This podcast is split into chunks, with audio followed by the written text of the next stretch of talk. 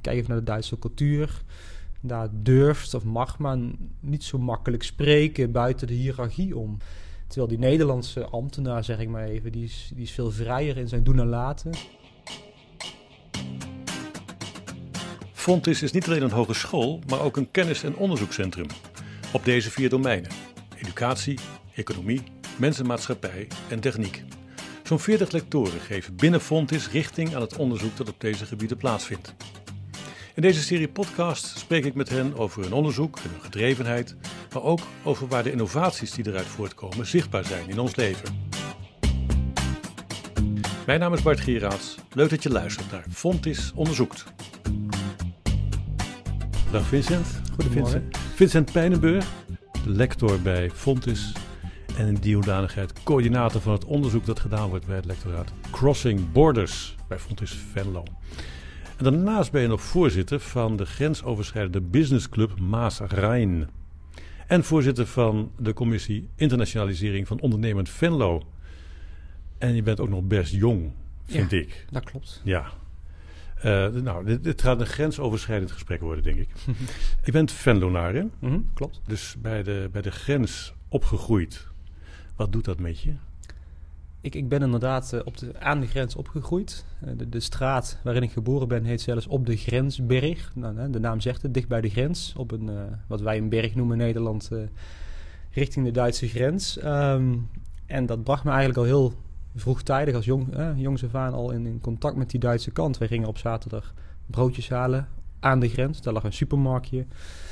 Een supermarkt die puur en alleen eigenlijk gericht was op de Duitse consument. Qua hè, accijnsverschillen interessant, qua prijzen dus interessant, een ander productaanbod. En, en door jongs af aan al een beetje wat, die wat, voor, wat voor dingen kocht je daar dan? Wat, wat was dan goedkoop? Nou, de meeste Duitsers steken de grens over naar Nederland om hier koffie te kopen. De accijns op koffie liggen in Duitsland veel hoger. Eh, blikjes drinken, gewoon cola, Fanta, et cetera. Eh, het medicijnaanbod eh, is in Nederland in die zin veel groter dat er veel meer in de apotheken vrij gekocht mag worden. Dat is in Duitsland veel beschermder. En dat zijn echt de triggers voor Duitsers om over die grens te gaan om eh, inkopen te doen. En wat kochten jullie in Duitsland? Eh, wij gaan nog altijd eigenlijk, eh, met name naar Duitsland voor de benzine. Daarnaast de alcoholische dranken, getrenken wou ik, wou ik zeggen op Duits. Bij een Tringoed, een bekende Duitse keten net over de grens. DM, drogisterijartikelen ook een stuk goedkoper in Duitsland. Dat zijn zo 1, 2, 3 dingen waarvoor veel Nederlanders juist weer de andere kant op gaan. Dus je een wederzijds beweging eh, over die grens heen gaan. En ik heb ook zo'n geschiedenis, want eh, ik kom uit Nijmegen, maar mijn, mijn ouders hadden een eh, winkel, twee winkels in, in Venlo. En in de jaren zeventig kwam ik daar regelmatig en dan zag je die parkeerplaats vol met Duitse auto's en winkels. eh, Ja. supermarkt, de Zwei Brüder aus Venlo. Twee Brüder van Venlo, van ja genau. Ja. Allemaal, het was Ja. allemaal Duits, allemaal Duits. Ja. En dus, mijn ouders hadden het ook over de Pruis, dat was dan Mhm. de Duitse. Mhm. Dat viel jou dus eigenlijk helemaal niet op. Wat mij wel opviel. Ja, klopt. Ik denk dat voor de, voor de Vellonaren in dit voorbeeld, maar het geldt ook voor andere grenssteden, dat eh, het in aanraking komen met het buurland, met de Duitser in dit geval, eh, eigenlijk een, een vanzelfsprekendheid is. En op het moment dat je van die grens afbeweegt, je gaat ergens anders studeren, je gaat ergens anders wonen wellicht, dan merk je eigenlijk pas hoe, eh, hoe uniek die situatie aan die grens is. Waar heel veel ondernemers dus heel erg eh, slim op in weten te spelen. Het is echt een niche-markt waar gebruik van wordt gemaakt. Is daar die fascinatie ook van jou, bij jou begonnen? Van die grens, dat, daar, daar wil ik wat mee. Je bent planoloog, hè? Klopt, ja. Planoloog van opleiding. Uh, dus kijken naar de, de inrichting van de ruimte. Naar, naar ook sociaal-geografische processen kijkende. En uh, wat mij altijd uh, verrast, positief is, wanneer je de grens overgaat, zie je een totaal ander landschap. Je merkt direct dat je in, in een buurland bent. En, en dat, dat maakt een uitstapje, of dat geeft een uitstapje iets extra's. Het is net even het extraatje wat je krijgt. Een ander landschap, andere gebouwen, andere verkeersborden, andere stoplichten. Het zijn die kleine dingetjes. Dat maakt het als een soort van avontuurlijk uitstapje. Vaker ten opzichte van dat je landinwaarts een uitstapje gaat maken met je gezin, met je familie, met je ouders, et cetera. Dat heeft me altijd uh, ja, aangesproken en ook nieuwsgierig gemaakt om dat te verkennen. En, en waarom is het dan ook zo dat dat we eigenlijk steeds minder uh, ja, affiniteit met die Duitse kant van de grens hebben. In ieder geval veel jongeren tegenwoordig. Waarom hebben ze steeds minder uh, affiniteiten mee? Waar, waar nou, wat een interessante uh, paradox eigenlijk is, is dat we aan de ene kant zien dat de afstanden steeds kleiner worden in de wereld. Globalisering. We weten niet hoe ver we moeten gaan voor vakantie, om te gaan studeren of om een minor abroad te doen hè, vanuit studentenperspectief. Maar tegelijkertijd, als we naar een baan gaan zoeken of een nieuwe woning, dan weten we niet eigenlijk hoe landinwaarts we vaak moeten kijken. Ehm, en dat heeft met een aantal facetten te maken. Onder meer dat uh, de aandacht voor het vak Duits, ook op, op het, binnen het voortgezet onderwijs, steeds verder afneemt. Geen verplicht eindexamen vak meer. Uh, er komen ook de klassieke voorbeelden terug dat, dat zeg maar even de oudere generaties uh, nog, nog de Duitse televisiezenders hadden, wat ook maar een onderdeel was van het beperkte televisiezenderaanbod. Dus drie van de vijf zenders waren gewoon Duitse zenders in Venlo. En dan keek men programma's als die zending met de Maus en allerlei klassieke voorbeelden die ik zelf eigenlijk helemaal niet ken. Ik, ik, ken ze ook alleen van horen zeggen. En nu krijgt de jeugd van jongs af aan eh, de, de, iPad op de schoot en YouTube en alles in het Engels. En dat, dat, dat is al een factor die er dus uh, mede uh, aan bijdraagt dat we steeds minder aandacht voor het buurland krijgen. Nou goed, dat, dat is denk ik zorgelijk voor, voor zeker voor Nederland, maar zeker ook voor de grensregio.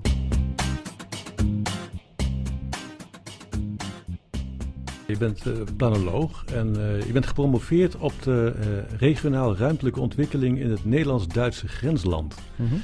Wat heb je dan precies onderzocht? Dat is natuurlijk een breed veld. Ja, ja.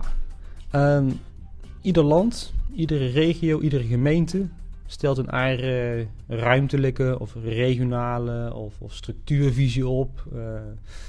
Een plan waarin we eigenlijk de toekomst schetsen voor de komende zeg 5 à 10 jaar. Dat doen de Duitse gemeenten uh, net zo goed, wel op een iets andere wijze qua uh, het ontwikkelen van een dergelijk plan.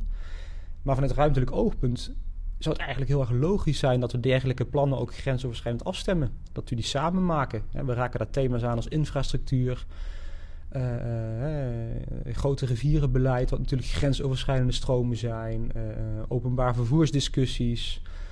Uh, stikstofdiscussies, hè, actueel ook. Het zijn natuurlijk discussies die niet ophouden aan de grens. Energievoorziening naar de toekomst. Duitsland gaat massaal op het gas. Wordt ontzettend hard gestimuleerd. Uh, omdat de bruinkoolgroeven binnen nu en 20, 30 jaar gesloten gaan worden. Wat voor nu nog een belangrijke, zeer fossiele energievoorziening in Duitsland is. Bij ons worden we massaal gestimuleerd om van het gas af te gaan. Dat zijn discussies die een ruimtelijke impact hebben. Soms onder de grond, soms boven de grond. Want die ruimtelijke ordening is ook ondergronds van belang. Um, die zich eigenlijk aan de grens ontmoet. En, en, en daar wordt eigenlijk niet of nauwelijks samengewerkt. En daar heb ik naar uh, gekeken waar, wat, wat daar de mogelijkheden zijn. Uh, om ook in zo'n regio zelf, in een EU-regio, een grensoverschrijdende regio in Europa, hoe we daar uh, gezamenlijk eigenlijk een plan kunnen maken. Dat hebben we geprobeerd met heel veel stakeholders. Welke regio was dat? Uh, die regio heet de EU-regio Rijn-Maas-Noord. Dat is een van de grensoverschrijdende regio's langs die Duits-Nederlandse grens, of over die Duits-Nederlandse grens. Nou, waar ligt die ergens? Waar die ligt rondom uh, het gebied van Noord- en Midden-Limburg en het Duitse Niederrhein-gebied, zeggen we over het algemeen. Maar ook wel steden uh, als München-Gladbach, Krefeld, grote steden, hè, ieder 250.000 inwoners, ongeveer net zo groot als Eindhoven, even qua, qua context. Realiseren heel veel mensen zich eigenlijk niet nee. of nauwelijks. Laat staan Düsseldorf met 650.000. Uh, dat gebied gaat het om. Uh, dus een zeer uh, logistiek, ook wel agrarisch gebied.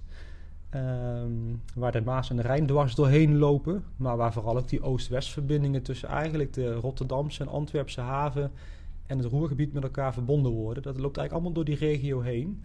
En dat zijn natuurlijk zeer relevante discussies die op de economie, die op de ruimtelijke ordening impact hebben. Wat heeft je het meest verbaasd toen je dat aan het onderzoeken was? Um, wat, wat, mij meest verbaasd heeft, is dat uh, als je echt gaat doorvragen, iedereen het belang van grensoverschrijdende samenwerking binnen dat domein, binnen het ruimtelijk domein, inziet. Maar dat het vooral een kunst is om over uh, regels en, en, een bepaalde attitude heen te stappen. We zitten zo in onze dagelijkse kaders, ons dagelijkse werkveld. Um, en we zijn zo landinwaarts eigenlijk opgeleid, ook vanuit uh, uh, die ruimtelijke ordeningshoek, uh, dat, dat we eigenlijk gewoon vergeten dat er een gebrek aan bewustzijn is. Een hele belangrijke denk ik ook, ook voor studenten bijvoorbeeld of jongeren, om over die grens te kijken. Terwijl als we, als we met elkaar dat gesprek voeren van ja, maar die snelweg loopt toch over de grens, waarom gaan we daarover niet met elkaar in gesprek? Dan uh, realiseert eigenlijk mensen pas van... oké, dat zou best wel eens inderdaad interessant kunnen zijn... met een steeds opener Europa, open binnengrenzen. Nou goed, hè, uh, het Schengen-verdrag, et cetera. Die, die mobiliteit zal waarschijnlijk alleen maar toenemen over de grens. Dus zal ook de invloed die een mens heeft... grensoverschrijdend steeds groter worden.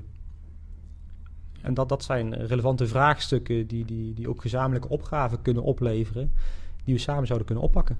Het is een soort uh, ja, innerlijke kompas of zo, dat wanneer je uh, aan deze kant van de grens staat, uh, sta je met de rug naar Berlijn. En met je, kijk, kijk naar Den Haag, naar Amsterdam. En je stapt één meter over die grens en opeens draai je met je rug naar Den Haag en Amsterdam. Kijk je naar ja. Berlijn en naar, naar, naar, dat andere land. Ja. Dat is toch eigenlijk... Ja, Hoe, wat, wat kun je daar tegen doen? Heb je dat gezien, dat, hoe dat, dat, werkt? Hoe dat... Ja, um, en er zijn een aantal hè, hele concrete aanbevelingen uit, uit, uit mijn onderzoek gekomen. Um, en daarin uh, zien we bijvoorbeeld voorbeelden die ook inmiddels geïmplementeerd worden. Dat in dit geval ambtenaren van een gemeente gewoon eens één, twee dagen per week over de grens bij een buurgemeente gaan werken. Of in ieder geval gaan uh, op de werkvloer aanwezig zijn. Even los van contractuele zaken, maar gewoon eens even proeven, zien, ruiken wat er op die werkvloer speelt. En dan, dan gaan je ogen denk ik heel snel open. Ik heb dat zelf eigenlijk ook als, als, als uh, actieonderzoeker, want ik heb een actieonderzoek uitgevoerd. Wat is op die manier actie, gedaan? Actieonderzoek, dat klinkt heel spannend. Ik, maar wat, wat is dat, actieonderzoek? Het, het, doel van het onderzoek was echt om actie te genereren. Dus niet alleen maar om, om theoretisch te analyseren wat er gebeurt, maar om tegelijkertijd een proces in gang te brengen. Waarbij uh, niet alleen ik als onderzoeker daarin centraal sta, maar ook de, de, de stakeholders om mij heen. En dat wij gezamenlijk co-creatief tot, tot uh, actie zijn overgegaan. Uh, dan moet je je voorstellen, waren mensen van de ministeries aan beide kanten van de grens, van de provincies, van de bezirken, van de kruisen, goed, alle, alle overheidslagen ook aan de Duitse kant meenemende. Ook bedrijfsvertegenwoordigers, onderwijs. En, en samen hebben we ook echt zo'n ruimtelijke structuurvisie voor de regio Rijn-Maas-Noord gemaakt. Die heeft natuurlijk geen uh, formeel juridische status. Maar het is wel een, een stuk dat wij in de regio nu onder de arm kunnen nemen en daarmee kunnen laten zien, luister eens, uh, misschien ook wel richting Den Haag of, of Düsseldorf als hoofdstad van Noord-Rijn-Westfalen. Dit is wat we eigenlijk gezamenlijk in deze regio bedacht hebben. En dit vinden wij grensoverschrijdend zeer belangrijk. Maar hoe heb je die mensen bij elkaar gekregen? Want het waren Nederlanders, Duitsers, of had iedereen iets van, ja tuurlijk, die slaat op zijn voorhoofd en denkt, tuurlijk, dat moeten we doen. Nee, dat, dat zou te gemakkelijk zijn. Uh, er is echt een flink omvangrijk proces aan vooraf gegaan. Ook rekening houdende met de beide culturen zeg maar even de Nederlander of de Nederlandse medewerker bij een overheidslaag, die bel je op en die neemt deel aan een aantal sessies, bij wijze van spreken. Heeft dan nou, eh, in ons geval waren het ontwerpateliers. Om, om ook die Duitse kant mee te krijgen, ben ik heel bewust met alle stakeholders allereerst in gesprek gegaan. Eén op één, interviews doorgevoerd. Uh, op die manier ook de behoeften naar boven gehaald. Om dus alvast die eerste uh, ideeën zeg maar, te, te, te, te onderzoeken.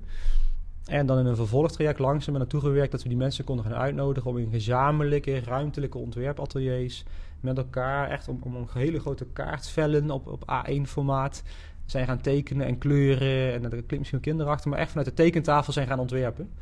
Um, en tijdens die sessie, uh, sessies, we waren meerdere sessies, uh, leverde dat best wel wat uitdagingen op. Want uh, kijk even naar de Duitse cultuur daar durft of mag men niet zo makkelijk spreken buiten de hiërarchie om. Dus wanneer men iets intekent, dan voelt men dat al gauw als in beton gegoten. Ik heb dat niet met de burgemeester of met de bijgeordnete, de, de wethouder min of meer overlegd. Terwijl die Nederlandse ambtenaar, zeg ik maar even, die is, die is veel vrijer in zijn doen en laten. Die, die, die is veel meer richtinggevend richting zijn wethouder of burgemeester onderweg. Terwijl aan de Duitse kant is die veel hiërarchisch als opdracht, als uitvoerder. Uh, in, in die positie. Dus daar moesten we wel echt mee, mee, mee worstelen om daar een goede uitkomst voor te krijgen. Maar uiteindelijk, na, nadat men loskwam, dat we een aantal sessies hadden gehad, merkten we dat, dat ook daar vanuit de Duitse kant zeker de innovatieve input wel uh, op tafel kwam te liggen. Dus mooie resultaten kunnen boeken. Wat zijn de resultaten geweest? Kun, kun je die aanwijzen? Uh, nou ja, één, één resultaat. Uh, en dat niet zozeer in, in puur de ruimtelijke ordening, maar veel meer in de onderwijssamenwerking. En daar raak ik ook Fontes heel duidelijk aan. Uh, de onderwijssamenwerking over de grens, die er nodig is om eigenlijk tot een gezamenlijke, ja, we noemden dat Euregio Campus te komen. Inmiddels heeft het geresulteerd in een heel mooi grensoverschrijdend project, ook gefinancierd vanuit de Europese Commissie. Dat heet het Euregio Campus Limburg-Niederrhein project waarin we bijvoorbeeld met de Hochschule Niederrhein, maar ook met de steden Venlo, Krefeld en Mönchengladbach en de Wirtschaftsförderungsgesellschaften van deze steden, dat zijn meer de economische ontwikkelingstakken van die steden, even los van de gemeente georganiseerd.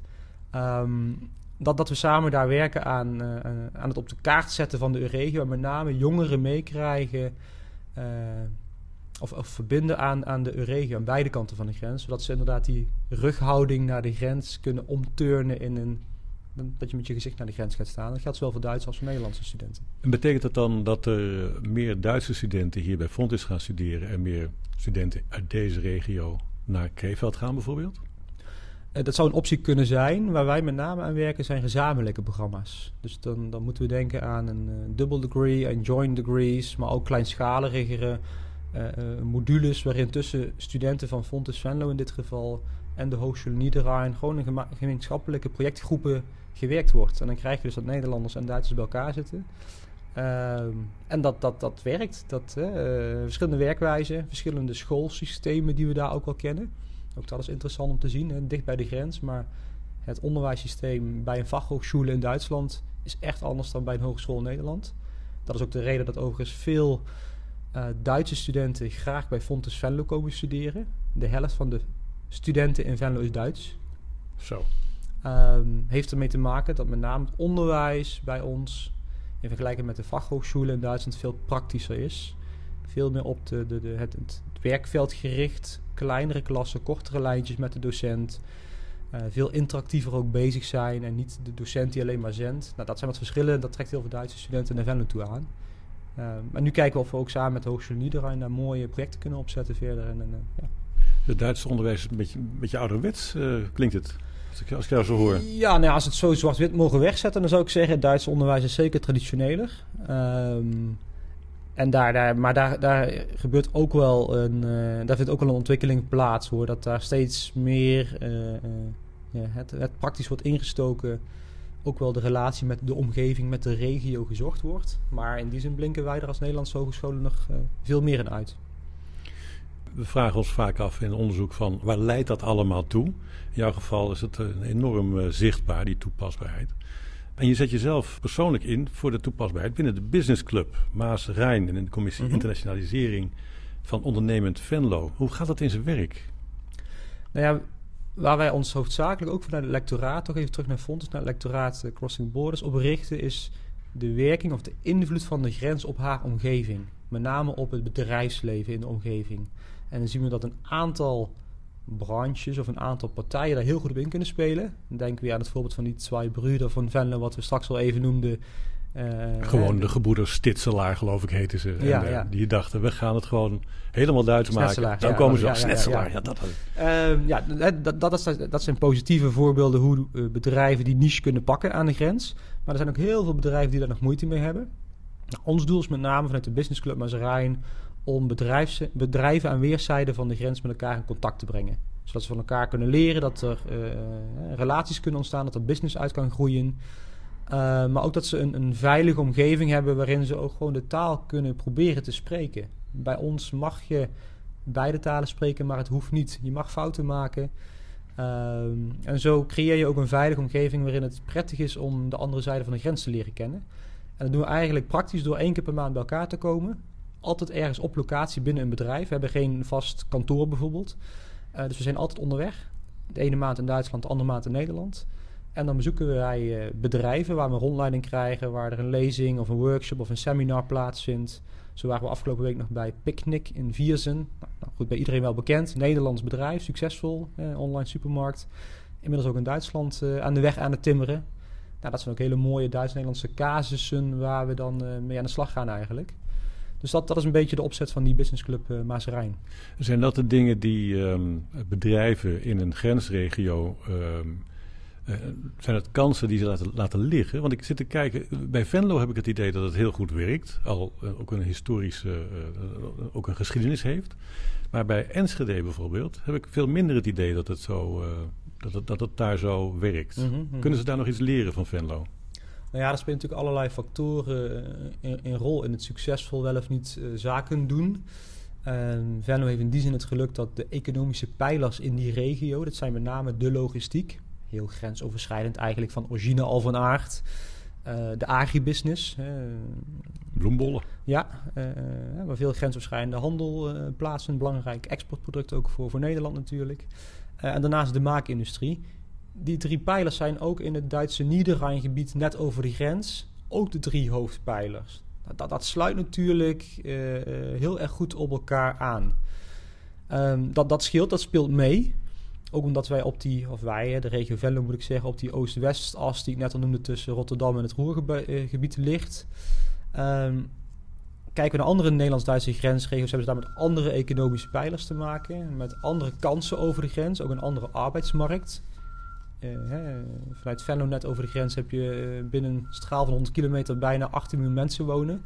Dat is wat anders dan vanuit, uh, in dit geval Enschede of Bad Nieuweschans of, of, of, andere steden langs die grens. En dat speelt allemaal mee in, in het, ja, de aandacht die er ook is voor grensoverschrijdende samenwerking, maar ook zeker wel in die kansen die er liggen. Maar een, een hele grote uitdaging die er nog ligt, en daar willen wij ons vanuit het lectoraat ook hard voor inzetten, is het in, inzichtelijk maken van die kansen.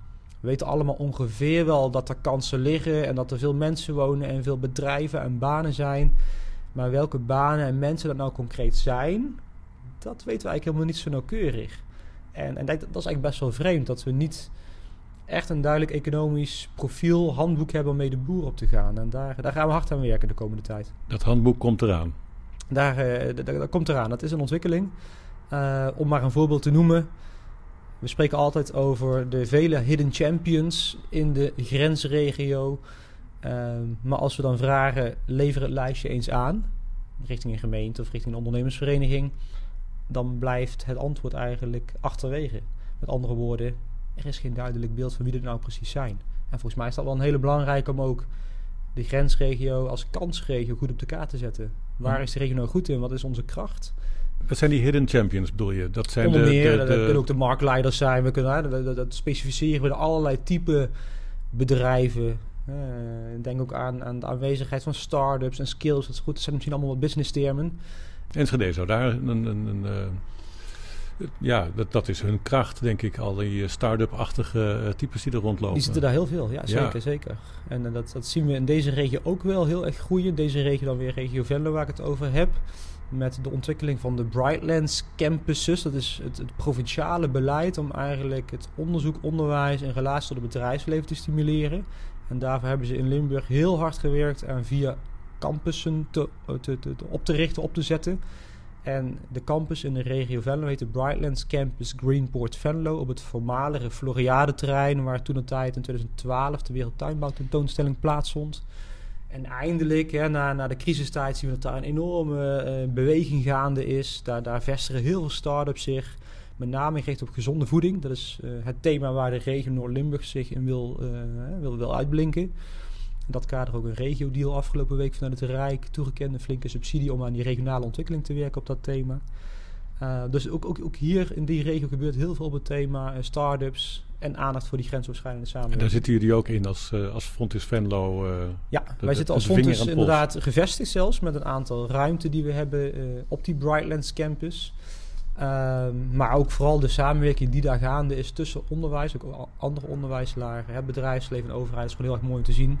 Die zitten allemaal bij elkaar op één campus. En dan, dan merk je dat daar gewoon sneller ideeën, innovatie van de grond komt. Dat denken in landsgrenzen, dat zit gewoon ingebakken op een of andere manier. Maar hoe maak je het de studenten duidelijk van uh, ga nou eens een keer daarvan af? Spring eens over je eigen landsschaduw heen. Hoe doe je dat? Wat denk ik heel belangrijk is, is dat uh, we ons beseffen dat die aandacht voor het buurland eigenlijk al vanaf jongs af aan onderdeel zou moeten worden van het onderwijs. Wij proberen dat bij Fontis. Het middelbaar onderwijs. Zeker. Wij krijgen studenten zeg, rond de 18, 20 jaar binnen. De Duitse studenten zijn trouwens wat ouder dan de Nederlandse studenten wanneer ze bij Fontis aan een uh, opleiding beginnen. Die proberen wij in die vier jaar dat ze bij ons zijn, soms iets langer, uh, hè, dat, dat binationale perspectief mee te geven. Door ze gewoon onder te dompelen in die grensregio. Dat betekent uh, casuïstiek van over de grens. Bedrijven die binnen Fontes komen presenteren, die van de andere kant van de grens komen. Studenten die ge gestimuleerd worden, meegenomen worden in excursies over de grens, bedrijfsbezoeken. Zelfs een stageplek over de grens kunnen lopen. Daar bemiddelen wij in. Daar creëren wij stageplekken, afstudeeropdrachten. Uh, en een extracurriculair programma dat we ook vanuit het lectoraat organiseren om op allerlei wijze dat thema onder de aandacht te brengen. En op die manier creëren we eigenlijk op een ja, natuurlijke wijze dat zij, uh, dat die attitude eigenlijk uh, ja, een halve cirkel, een halve slag draait. En niet alleen maar landinwaarts gericht. Dus dat geldt ook voor de Duitse student die natuurlijk veel meer die Duitse focus heeft. Dat die ook wat van Nederland te zien en te, te zien krijgt en daarover leert. Met de kans ook dat ze natuurlijk na de studie graag in die regio blijven wonen. Um, dus, dus het is vooral niet het benoemen van je moet over die grens kijken. De EU-regio is belangrijk. Volgens mij sla je dan de plank mis. Maar het moet vooral natuurlijk ingebed worden in het onderwijs. Dat doen we ook met onze docentonderzoekers die bij het lectoraat werken. Vanuit iedere bacheloropleiding één iemand. Op die manier creëer je ook echt die, die spin-off, die disseminatie naar het onderwijs toe. Om studenten binnen allerlei bestaande modules mee te krijgen naar het Duits-Nederlandse thema. Als je nou naar de toekomst kijkt, hè, um, wanneer is het moment aangebroken dat jouw onderzoeksterrein niet meer relevant is? dat is toch je droom? Ja, nee, zeker. Uh, we moeten denk ik wel ons realiseren dat de, de, de samenwerking over de grens een proces van de lange adem is. Het heeft ook, ook deels met die, hè, met die culturen te maken. Uh, een Duitse relatie, ook in het zaken doen, dien je rustig op te bouwen. Je dient vertrouwen te wekken. Als je eenmaal zijn vertrouwen hebt gewonnen, dan ben je ook zijn beste vriend. Maar dat is wel iets wat tijd kost. Dus we zeggen ook altijd als wij bedrijven adviseren, met name MKB-bedrijven in de grensregio, u wilt naar Duitsland, verwacht niet dat er over drie weken uh, business gegenereerd wordt. Dat is een rustig proces dat we opbouwen. Nou, dat leren we ook onze International Business School studenten, die natuurlijk later in die business moeten gaan werken. Um, dus, dus dat gaat, hè, daar gaat tijd overheen, daar moeten we realistisch in zijn. Ik zou heel erg blij en tevreden zijn als wij over een aantal jaren kunnen laten zien dat nog meer studenten ook over de grens in die grensregio een baan vinden. Dus Duitsers in Nederland en vice versa. Dat gebeurt nu al heel veel. Uh, onze alumni geven ook aan, gebaseerd op recent alumni-onderzoek, dat zij veel al te maken krijgen met die Duits-Nederlandse handelsrelatie. Dat is ook niet zo gek als je in die grensregio gaat wonen en werken. Uh, maar dat, dat, die, die basis hebben ze dus ook binnen zo'n International Business School bij Fontes Venlo heel mooi kunnen opbouwen door dagelijks ook gewoon in de gangen, zeg maar, in een hele internationale setting te zijn. En, en, wij proberen vooral vanuit die grensregio te laten zien, wij zijn geen periferie, maar we zijn een centraal gelegen regio midden in Europa. Op een hele interessante economische as die voor Europa heel belangrijk is. Uh, dat moet het verhaal volgens mij zijn. En, en, maar dan heb je wel mensen nodig die dus beide kanten van de grens kennen. En daar ligt onze uitdaging. Oké. Okay. Pijnenburg, bedankt voor dit gesprek. Graag gedaan, dankjewel.